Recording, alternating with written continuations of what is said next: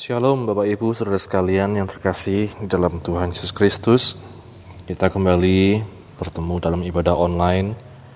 Kita akan sama-sama belajar dari firman Tuhan. Kita akan sama-sama berdoa terlebih dahulu. Bapa, kami bersyukur untuk kesempatan yang Kau berikan pada kami Tuhan. Meskipun saat ini kami beribadah online, kami percaya Engkau hadir Tuhan bersama dengan kami ya Tuhan. Mari Engkau yang pimpin Tuhan, ibadah ini Tuhan, dalam renungan yang akan kami dengarkan. Mampukan kami ya Roh Kudus untuk menjadi pelaku firman-Mu. Mampukan kami untuk tetap setia Tuhan sampai pada garis akhir. Terima kasih Bapa. Kami bersyukur dalam nama Tuhan Yesus. Amin. Kita buka di dalam pengkhotbah pasal 1 ayat yang kedua.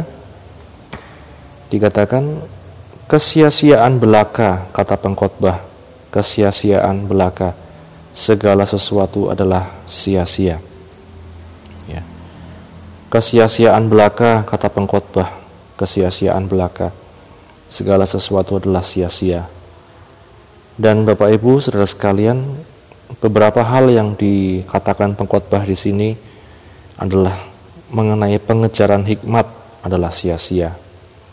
Kemudian hikmat dan kebodohan adalah hal yang sia-sia Kemudian dikatakan lagi kekayaan adalah hal yang sia-sia ya. Dan banyak lagi kita melihat Bapak Ibu pengkhotbah memberikan contoh bagaimana hidup ini baik kita sebagai orang baik, orang jahat, orang yang diberi berkat oleh Tuhan, orang yang uh, mungkin merasa kurang diberkati dikatakan semuanya sia-sia. Karena pada akhirnya dikatakan orang akan meninggal, orang akan mati, dan orang tidak akan membawa apa-apa setelah kematian. Ya. Namun demikian Bapak Ibu, apakah benar ya kesimpulan tersebut? Kalau kita melihat pada akhir-akhirnya dikatakan oleh pengkhotbah bahwa hidup yang sia-sia itu hanya dapat diobati ya ibaratnya hanya dapat dipulihkan ketika kita berada di dalam satu hidup yang takut akan Tuhan ya.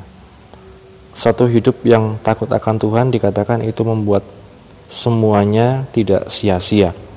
Segala sesuatu yang kita kerjakan tidak sia-sia. Dalam pengkhotbah ya kita melihat pasal yang ke 11 ayat yang ke-9 dikatakan Bersukarialah hai pemuda dalam kemudaanmu, biarlah hatimu bersuka pada masa mudamu, dan turutilah keinginan hatimu dan pandangan matamu. Tetapi ketahuilah bahwa segala hal ini, karena segala hal ini Allah akan membawa engkau ke pengadilan. Ya. Kemudian di pasal 12 ayat 1 dikatakan, Ingatlah akan penciptamu pada masa mudamu, sebelum tiba hari-hari yang malang, dan mendekat tahun-tahun yang kau katakan tidak ada kesenangan bagiku di dalamnya. Ya, ini Bapak Ibu, di akhir kata dikatakan pengkhotbah mengajarkan pengkhotbah mengambil kesimpulan bahwa kita harus terus ingat pada pencipta kita. Di pasal 12 ayat yang ke-13 dikatakan akhir kata dari segala yang didengar ialah Takutlah akan Allah dan berpeganglah pada perintah-perintahnya. Karena itu adalah kewajiban setiap orang. Ya.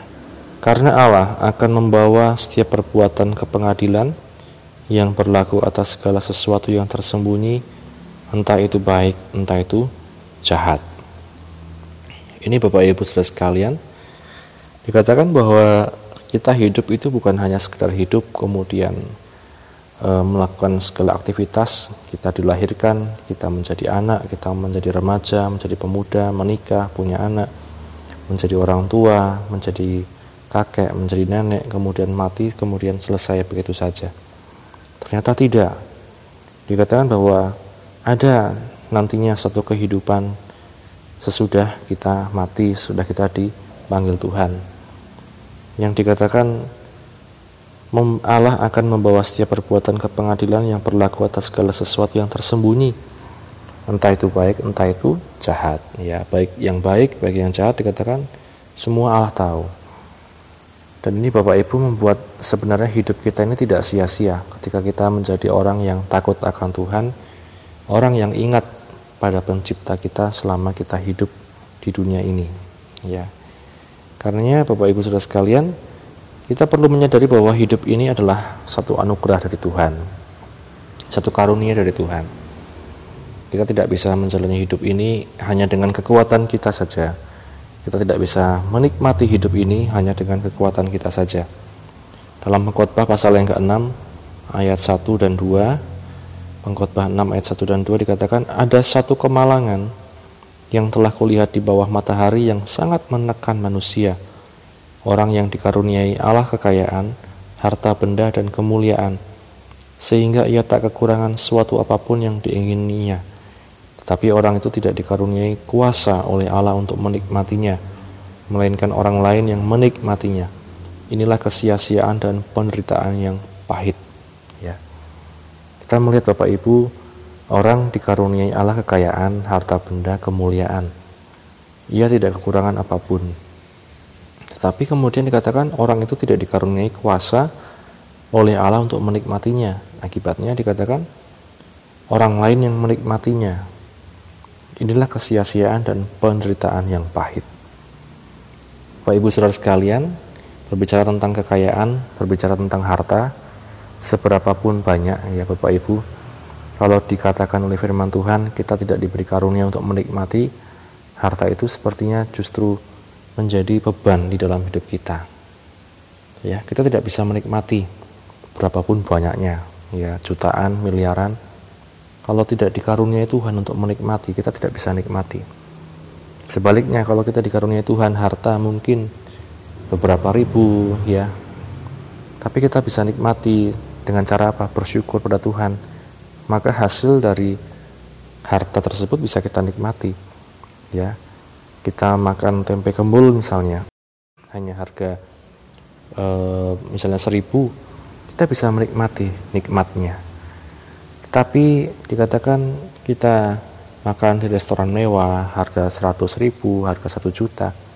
Tapi dengan satu ketakutan, kekhawatiran, ya, satu kecemasan dalam hati, entah karena apa pun, justru kita tidak bisa menikmatinya. Berbeda dengan orang dengan keterbatasan hanya makan nasi yang sederhana, nasi megono, tempe kembul, tapi karena dia bisa bersyukur, dia bisa nikmati hidupnya, itu menjadi satu kenikmatan di dalam hidupnya ya. Tuhan di dalam firman firman-Nya mengatakan dalam segala yang terjadi dalam hidup kita tiap-tiap hari dikatakan Tuhan memberikan anugerah karunia-Nya ya dalam setiap kehidupan bukan hanya orang Kristen Bapak Ibu tapi setiap orang ya di Matius pasal 5 ayat 45 dikatakan karena dengan demikianlah kamu menjadi anak-anak Bapamu yang di surga yang menerbitkan matahari bagi orang yang jahat dan orang baik dan menurunkan hujan bagi orang yang benar dan orang yang tidak benar ya. Dikatakan matahari diterbitkan Tuhan bagi bukan hanya orang Kristen, bukan hanya orang baik, tetapi dikatakan bagi orang jahat ya juga dikatakan diturunkan matahari diberikan karunia Allah untuk menikmati alam, diturunkan hujan bagi orang benar dan bagi orang yang tidak benar. Semuanya Bapak Ibu, setiap manusia di muka bumi ini kalau kita menyadari kita bisa bersyukur. Berikan diberikan Tuhan matahari, diberikan Tuhan hujan, diberikan Tuhan udara dan lain-lain. Ya.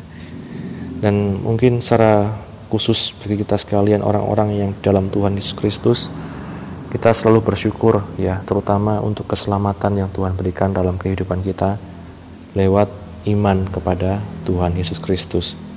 Dalam Efesus pasal yang kedua ayat yang ke-8 dan 9 Efesus pasal 2 ayat yang ke-8 dan 9 dikatakan sebab karena kasih karunia kamu diselamatkan oleh iman itu bukan hasil usahamu tetapi pemberian Allah. Itu bukan hasil pekerjaanmu jangan ada orang yang memegahkan diri ya keselamatan yang kita dapatkan di dalam Kristus dikatakan bukan karena hasil usaha kita tetapi pemberian Allah. Seperti yang dalam persekutuan doa Sabtu kemarin saya katakan, karunia Tuhan, kemurahan Allah, ya. Bahkan kalau kita dapatkan remah-remah kemurahan pun itu sudah sangat-sangat mengucap syukur seperti yang dialami oleh perempuan Kanaan. Itu bukan hasil pekerjaanmu, jangan ada orang yang memegahkan diri. Ya, jangan ada orang yang sombong karena imannya, sombong karena agamanya lebih baik dari yang lain, sombong karena dia pasti selamat dan lain-lain. Bapak Ibu, iman kita dalam Kristus itu karena anugerah yang Tuhan berikan bukan hasil usaha, bukan hasil pekerjaan kita, tetapi pemberian Tuhan. Maksudnya seperti itu ya. Nah ini Bapak Ibu sudah sekalian harus benar-benar kita resapi, benar-benar kita renungkan dalam hati kita, kita sadari bahwa hidup ini adalah anugerah Tuhan. Ya, keselamatan adalah anugerah Tuhan, sehingga hidup ini tidak sia-sia. Apa yang perlu kita lakukan dikatakan dalam 1 Korintus pasal 15 ayat yang ke-58 1 Korintus 15 ayat 58 Karena itu saudara-saudaraku yang kekasih berdirilah teguh jangan goyah dan giatlah selalu dalam pekerjaan Tuhan. Sebab kamu tahu dalam persekutuan dengan Tuhan jerih payahmu tidak sia-sia. Ya ini luar biasa Bapak Ibu Saudara sekalian. Dikatakan karena itu saudara-saudaraku yang kasih berdirilah teguh jangan goyah. Giat selalu dalam pekerjaan Tuhan sebab kamu tahu bahwa dalam persekutuan dengan Tuhan jerih payahmu tidak sia-sia. Tidak ada yang sia-sia ketika kita berada dalam iman kita pada Kristus. Di samping itu kita juga setia dalam pengiringan kita pada Kristus sampai pada akhirnya. Ya, hidup ini tidak sia-sia. Hidup ini tidak hanya lahir kemudian mati kemudian selesai, tapi tidak ada hasil yang didapatkan ya hidup ini ketika berada dalam Kristus dikatakan kita nantinya diberikan satu keselamatan hidup yang kekal hidup bersama dengan Tuhan ya hidup yang selalu dikatakan berada dalam kemurahan Allah ya karena Bapak Ibu Saudara sekalian mari kita menyadari hal ini jangan kita lemah iman kita jangan lemah pengeringan kita Tuhan kepada Tuhan jangan lemah meskipun masih beribadah online Bapak Ibu tetap setia, tetap semangat dalam Tuhan. Ajak keluarga kita untuk beribadah, berdoa. Kita tidak tahu hari esok seperti apa, tapi tetaplah berdiri teguh dalam iman kita, jangan goncang. Karena dikatakan Tuhan selalu beserta kita. Karena hidup ini adalah kemurahan, hidup ini adalah anugerah Tuhan. Hanya bersama dengan Tuhan kita bisa menikmati setiap pemberian Tuhan dalam hidup kita. Amin. Mari sama-sama kita berdoa. Bapak terima kasih untuk firman-Mu yang sudah kami dengarkan. Kami menyadari bahwa hidup kami tidak sia-sia ketika kami berada di dalam Engkau Tuhan. Mari ajar kami untuk menyadari hal itu Tuhan dan ajar kami tetap setia dalam pengiringan iman kami kepadamu Tuhan. tetap setia Tuhan untuk mengiring Engkau Tuhan, melayani Engkau Tuhan sepanjang hidup ini. Mampukan kami ya Roh Kudus untuk menjadi pelaku firman-Mu Mampukan kami untuk tetap setia Tuhan sampai pada garis akhir. Terima kasih Bapa, kami bersyukur dalam nama Tuhan Yesus. Tuhan berkati engkau dan melindungi engkau. Tuhan menyinari engkau dengan wajahnya dan memberi engkau kasih karunia. Tuhan menghadapkan wajahnya kepadamu dan memberi engkau damai sejahtera. Doa berkat ini kami sampaikan dalam nama Tuhan Yesus Kristus, mempelai pria surga kita. Haleluya, haleluya. Amin. Puji Tuhan, Bapak Ibu Saudara sekalian, Tuhan memberkati kita. Amin.